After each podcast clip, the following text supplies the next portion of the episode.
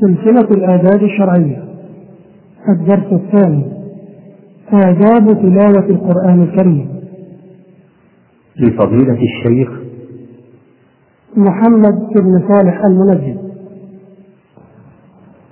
فسنتكلم اليوم إن شاء الله تعالى في موضوع الآداب الشرعية عن آداب تلاوة القرآن الكريم.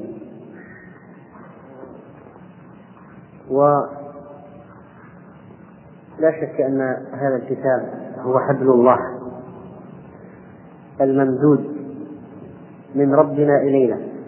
من تمسك به هدي ومن اعتصم به فاز والفوز هو الجنة. ويجيء القرآن يوم القيامة فيقول يا رب حله فيلبس تاج الكرامة ثم يقول يا رب زده فيلبس حلة الكرامة. ثم يقول يا رب ارضى عنه فيرضى عنه. فيقول اقرأ وارق ويزاد بكل آية حسنة. رواه الترمذي وهو حديث حسن. هذا شيء من فضل تلاوة القرآن وما لقارئ القرآن من الأجر. وهو وصية النبي صلى الله عليه وسلم التي أوصانا بها كما روى الإمام أحمد رحمه الله تعالى في مسنده عن أبي سعيد أن النبي عليه الصلاة والسلام قال أوصيك بتقوى الله تعالى فإنه رأس كل شيء وعليك بالجهاد فإنه رهبانية الإسلام وعليك بذكر الله تعالى وتلاوة القرآن فإنه روحك في السماء وذكرك في الأرض. والله عز وجل قد أوصانا في كتابه قد أوصانا بكتابه في كتابه بوصايا كثيرة. فيها الأمر بتلاوة القرآن وترتيله ورتل القرآن ترتيلا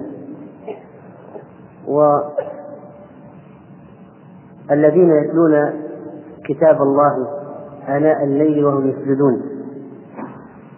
والذين يذكرون الله قياما وقعودا وعلى جنوبهم ويتلون كتاب الله تعالى والذي هو قانت آناء الليل ساجدا وقائما يحذر الآخرة ويرجو رحمة ربه ويقرأ كتاب الله عز وجل لا شك أنه هو الفائز يوم القيامة. وهذا الكتاب العزيز تلاوته لها آداب. ومن آداب هذه التلاوة أولا الإخلاص لله سبحانه وتعالى.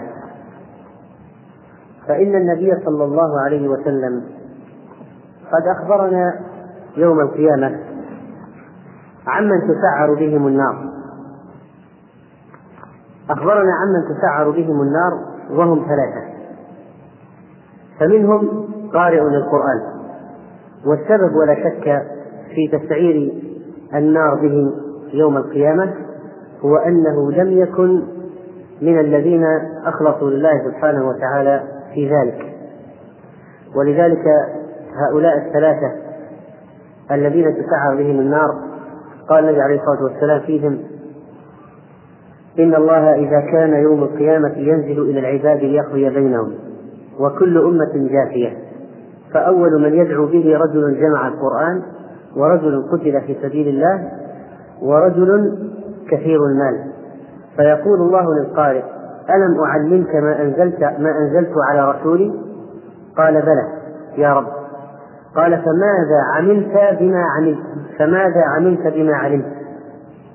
قال كنت أقوم به آناء الليل وآناء النهار. فيقول الله له كذبت وتقول له الملائكة كذبت ويقول الله له بل أردت أن يقال فلان قارئ.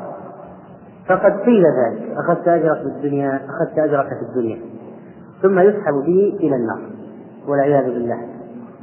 فأولا لا بد من الإخلاص لله سبحانه وتعالى في التلاوة. ومن آداب تلاوة الكتاب العزيز كذلك أن يتلوه على طهارة.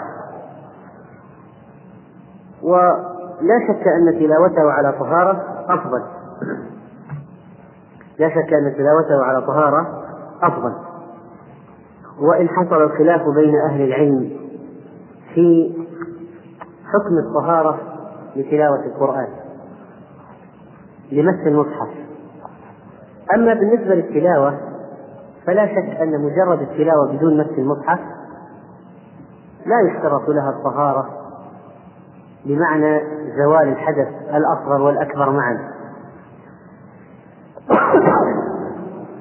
وإنما إذا كان على جنابة لا يقرأ حتى يغتسل وعذره يزول بخلاف عذر الحائض التي تمكث وقتا لا تستطيع أن تزيل عذرها بيدها.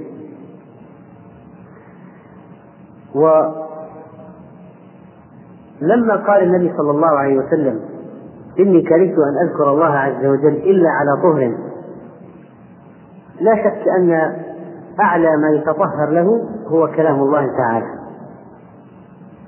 قال الجويني رحمه الله لكن تجوز القراءة للمحدث حدثا أصغر لأنه صح أن النبي صلى الله عليه وسلم كان يقرأ مع الحدث.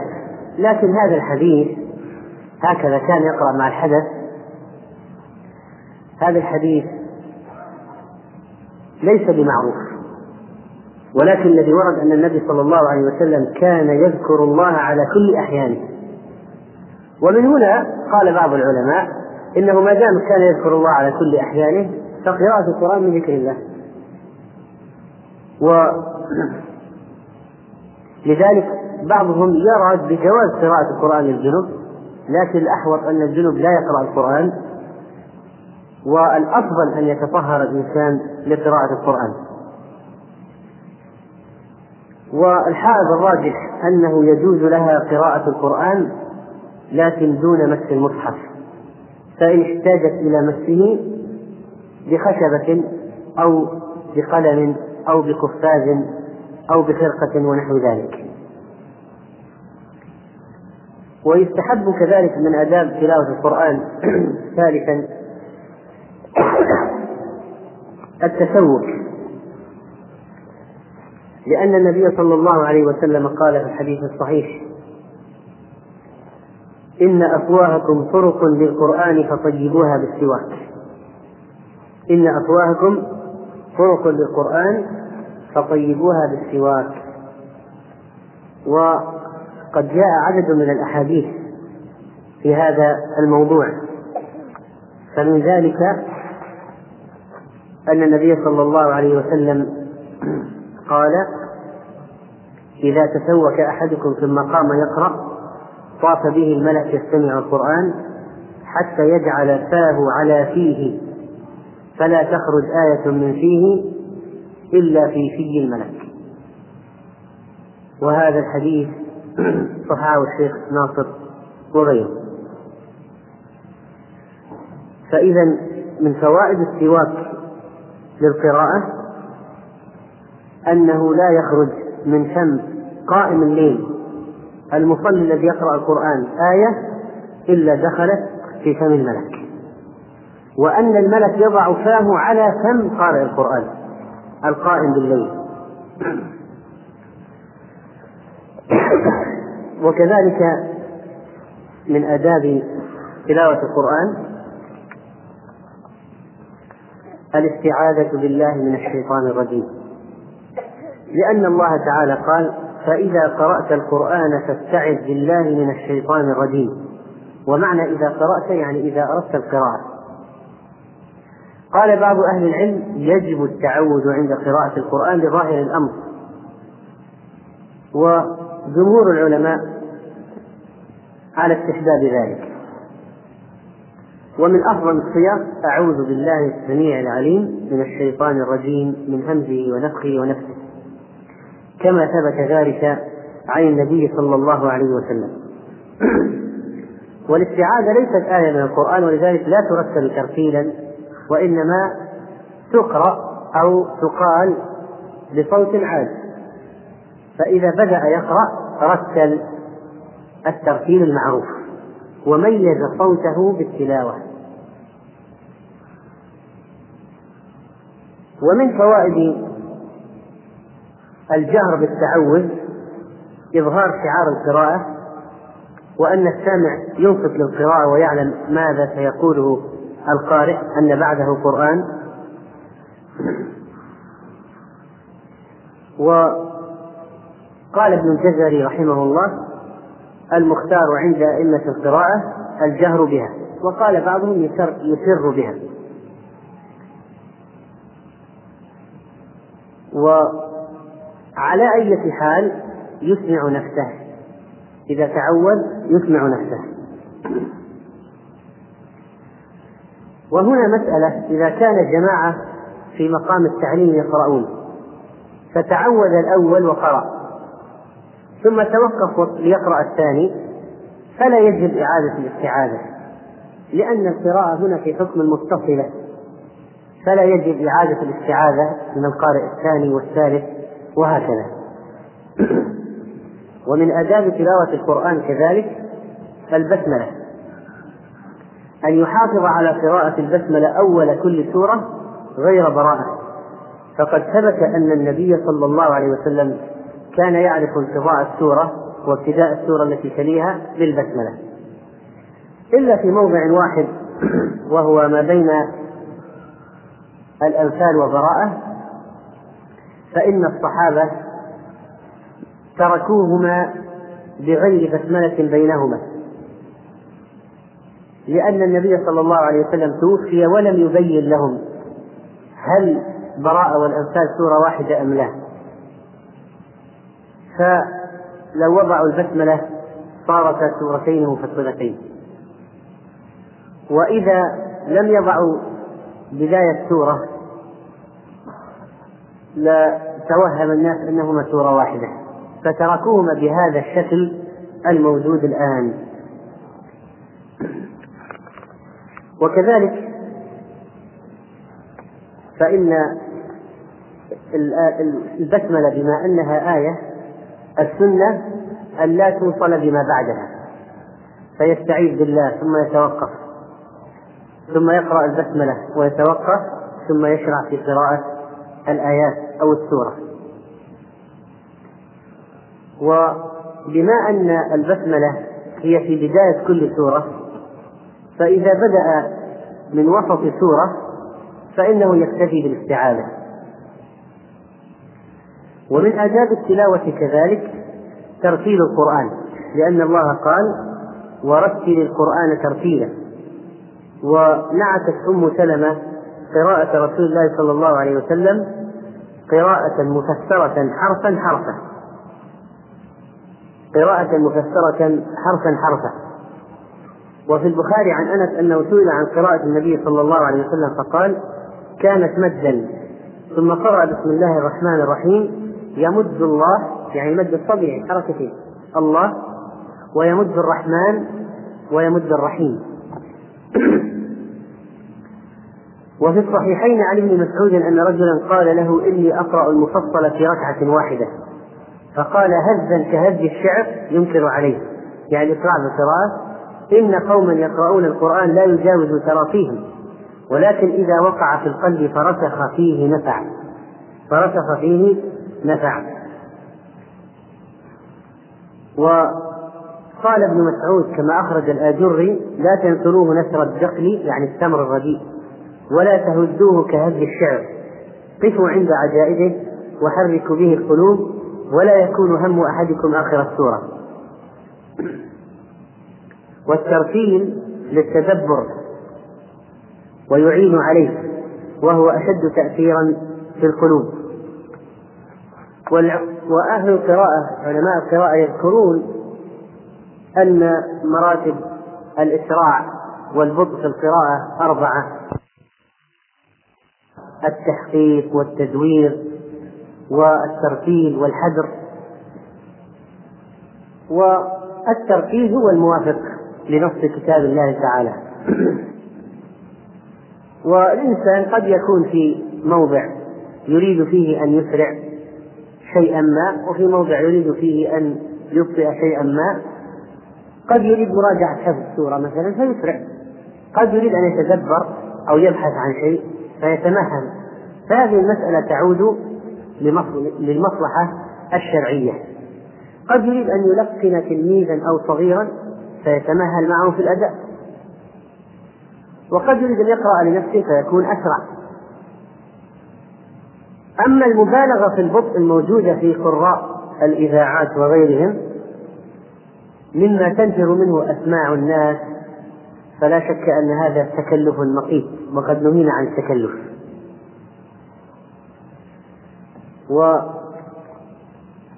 ومن آداب تلاوة القرآن كذلك تفخيم التلاوة. ومعنى التفخيم يعني أنه لا يقرأه بصوت كصوت النساء إذا كان رجلا مثلا. وإنما يفخمه إذا كان رجلا يقرأ كل شخص بطبيعته الرجل بطبيعته والمرأة بطبيعتها. وإنما المقصود أنه لا يتشبه بالنساء أو بميوعة في الكلام عند تلاوته. وممن ذكر ذلك الزركشي رحمه الله في كتابه البرهان. ومما يتعلق كذلك بآداب التلاوة تلاوته تلاوته الاجتماع لتلاوته كما قال النبي صلى الله عليه وسلم وما اجتمع قوم في بيت من بيوت الله يتلون كتاب الله ويتدارسونه بينهم إلا نزلت عليهم السكينة وغشيتهم الرحمة وحفتهم الملائكة وذكرهم الله في من عنده. فإذا الاجتماع لتلاوة القرآن ومدارسته هذه من السنن والمستحبات العظيمة. ولا يعني قوله يتلون كتاب الله يعني يتلونه بصوت واحد. كما لا يعني قوله يتلون كتاب الله يعني كل واحد يقرأ وراء الآخر مقطع مقطع كما يفعل كثير من الناس لأنه قد ثبت عن الصحابة رضوان الله عليهم أنهم إذا جلسوا أمروا واحدا منهم أن يقرأ واستمع الباقون. أما طريقة الإدارة في التلاوة يعني أن يقرأ كل واحد مقطع ثم يقرأ الآخر فهذه طريقة مكروهة وبعضهم يقول مبتدعة إلا في مقام التعليم. يعني التعليم عند شيخ يأمر شخصا أن يقرأ ثم يأمر الآخر وهكذا والثالث والرابع. لكن إذا اجتمعوا أو في التحفيظ مثلا يسمع الأول ثم الثاني ثم الثالث. لكن إذا اجتمعوا مجموعة في المسجد أو في غيره ما هي السنة؟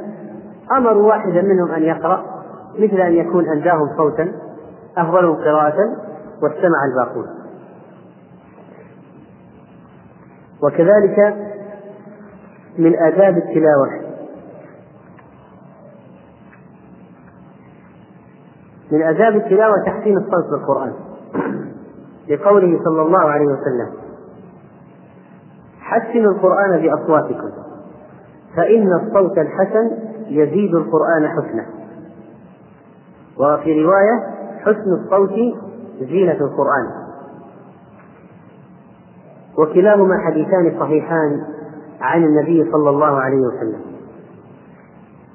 فتحسين الصوت يعني تجميله وتزيينه الاعتناء به الإبداع فيه. وسيأتي لهذا مزيد من الشرح إن شاء الله. وكذلك من آداب التلاوة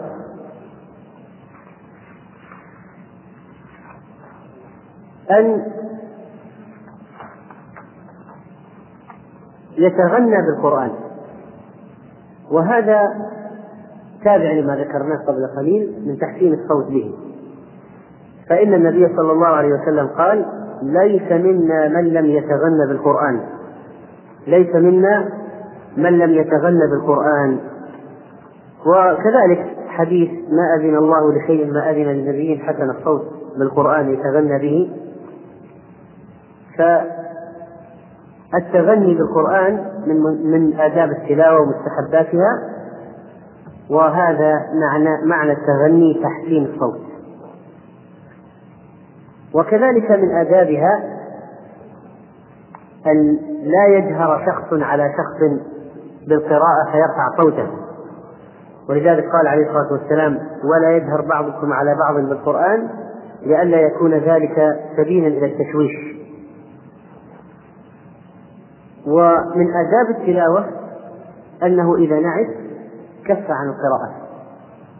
فقد روى أحمد ومسلم وغيرهم وغيرهما عن أبي هريرة عن النبي صلى الله عليه وسلم قال إذا قام أحدكم من الليل فاستعجم القرآن على لسانه فلم يدري ما يقول فليضطجع.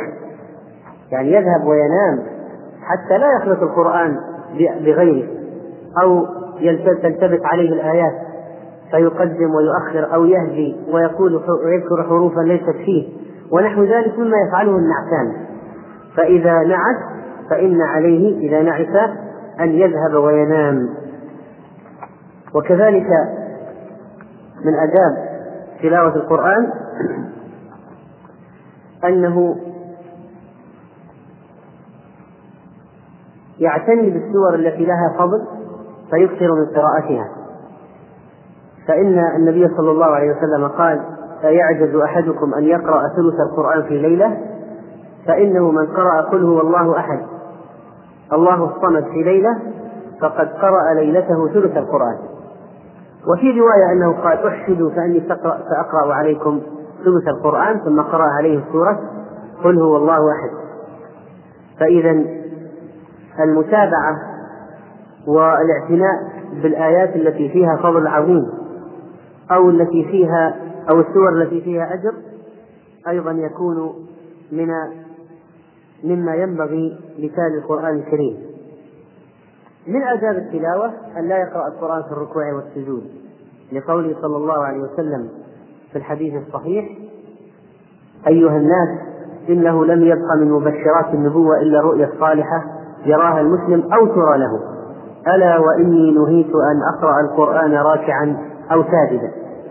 فأما الركوع فعظموا فيه الرب وأما السجود فاجتهدوا في الدعاء فقمن أن يستجاب لكم. فقد ذكرنا في الليلة الماضية من أسباب هذا أو العلة علة, علة هذا ما ذكره الشيخ الإسلام رحمه الله أن الركوع والسجود من مواضع الذل فلا ينبغي أن يقرأ القرآن في مواضع الذل وإنما فيه تسبيح تسبيح الله سبحانه وتعالى. وذكر بعض أهل العلم أن أنه إذا أو ذكر أهل العلم أنه إذا قرأ شيئا من القرآن في الركوع والسجود أتى بدعاء من القرآن بقصد الدعاء فإنه لا بأس به. كان يقول ربنا آتنا في الدنيا حسنة وفي الآخرة حسنة وقنا عذاب النار إذا قرأ في السجود مثلا فإنه لا بأس بذلك. ربنا هب لنا من أزواجنا وذرياتنا قرة أعين. رب اغفر لي ولوالدي. ونحو ذلك مما ورد من الأدعية في القرآن على سبيل الدعاء فلا بأس به.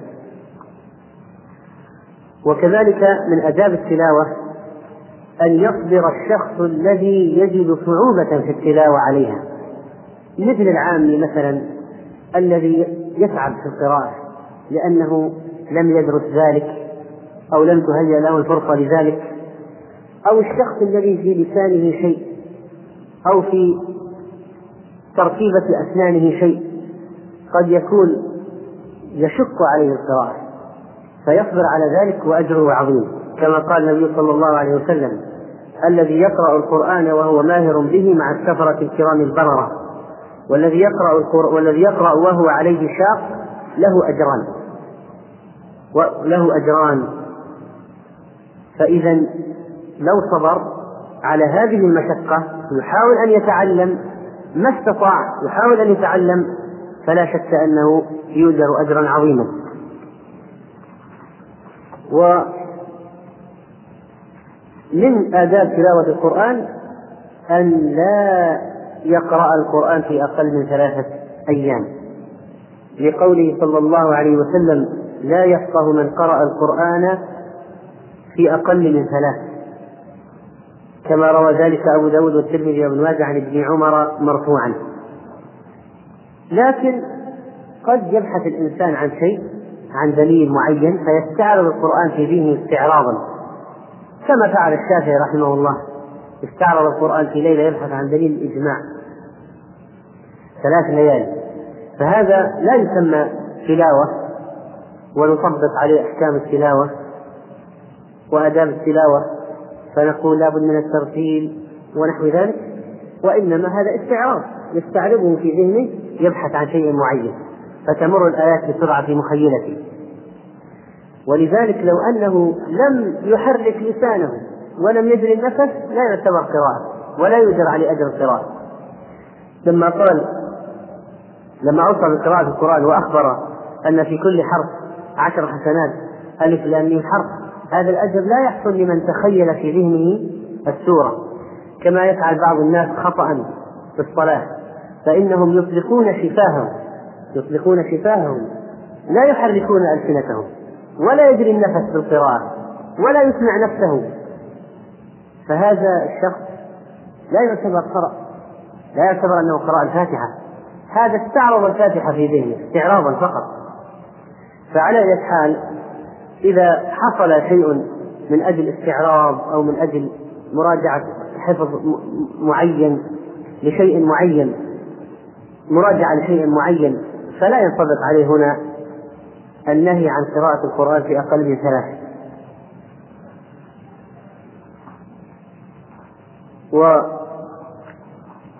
ومن آداب التلاوة كذلك البكاء عند تلاوة القرآن الكريم. لأن الله قال ويخرون للأذقان يبكون ويزيدهم خشوعا. ولأن النبي صلى الله عليه وسلم لما أمر ابن مسعود أن يقرأ فالتفت إليه ابن مسعود فإذا عيناه تذرفان عليه الصلاة والسلام. والبكاء عند قراءة القرآن لا شك أنه دليل الخشوع إذا كان بكاء صادقا. إذا كان بكاء صادقا. فإن البكاء على أنواع. منه ما يكون بكاء رحمة ورقة ومنه ما يكون بكاء خوف وخشية منه ما يكون بكاء محبة. وشوق منه ما يكون بكاء من الفرح والسرور ومنه ما يكون بكاء حزن بكاء جزع. فالبكاء المطلوب عند تلاوة القرآن هو بكاء الخشوع وليس بكاء النفاق و وليس البكاء المستعار. أما التباكي فهو تكلف البكاء. وقد جاء في حديث فإن لم تبكوا فتباكوا ولكن الحديث الحديث ضعفه الشيخ ناصر وذكر الشيخ عبد العزيز في بعض الفتاوي أنه لا يعرف صحته. ف والحديث رواه أحمد وغيره. فالآن التباكي عند قراءة القرآن. البكاء عرفنا دليله من الكتاب والسنة وعرفنا أن البكاء عند قراءة القرآن يكون بكاء بكاء خشوع. وليس بكاء نفاق. مثل التظاهر بالبكاء لأجل أن يقول الناس عنه خاشع وإنما هو بكاء خشوع. لو سمعه الشخص ارتاح إليه. كما قال النبي صلى الله عليه وسلم في الحديث الصحيح إن من أحسن الناس صوتا بالقرآن الذي إذا سمعته يقرأ رأيت أنه يخشى الله. رواه ابن ماجه وهو حديث صحيح. بالنسبة للتباكي التباكي ينقسم إلى تباكي محمود وتباكي مذموم. التباكي المحمود الذي يستجلب رقة القلب وخشية الله وليس تباكي رياء وسمعة.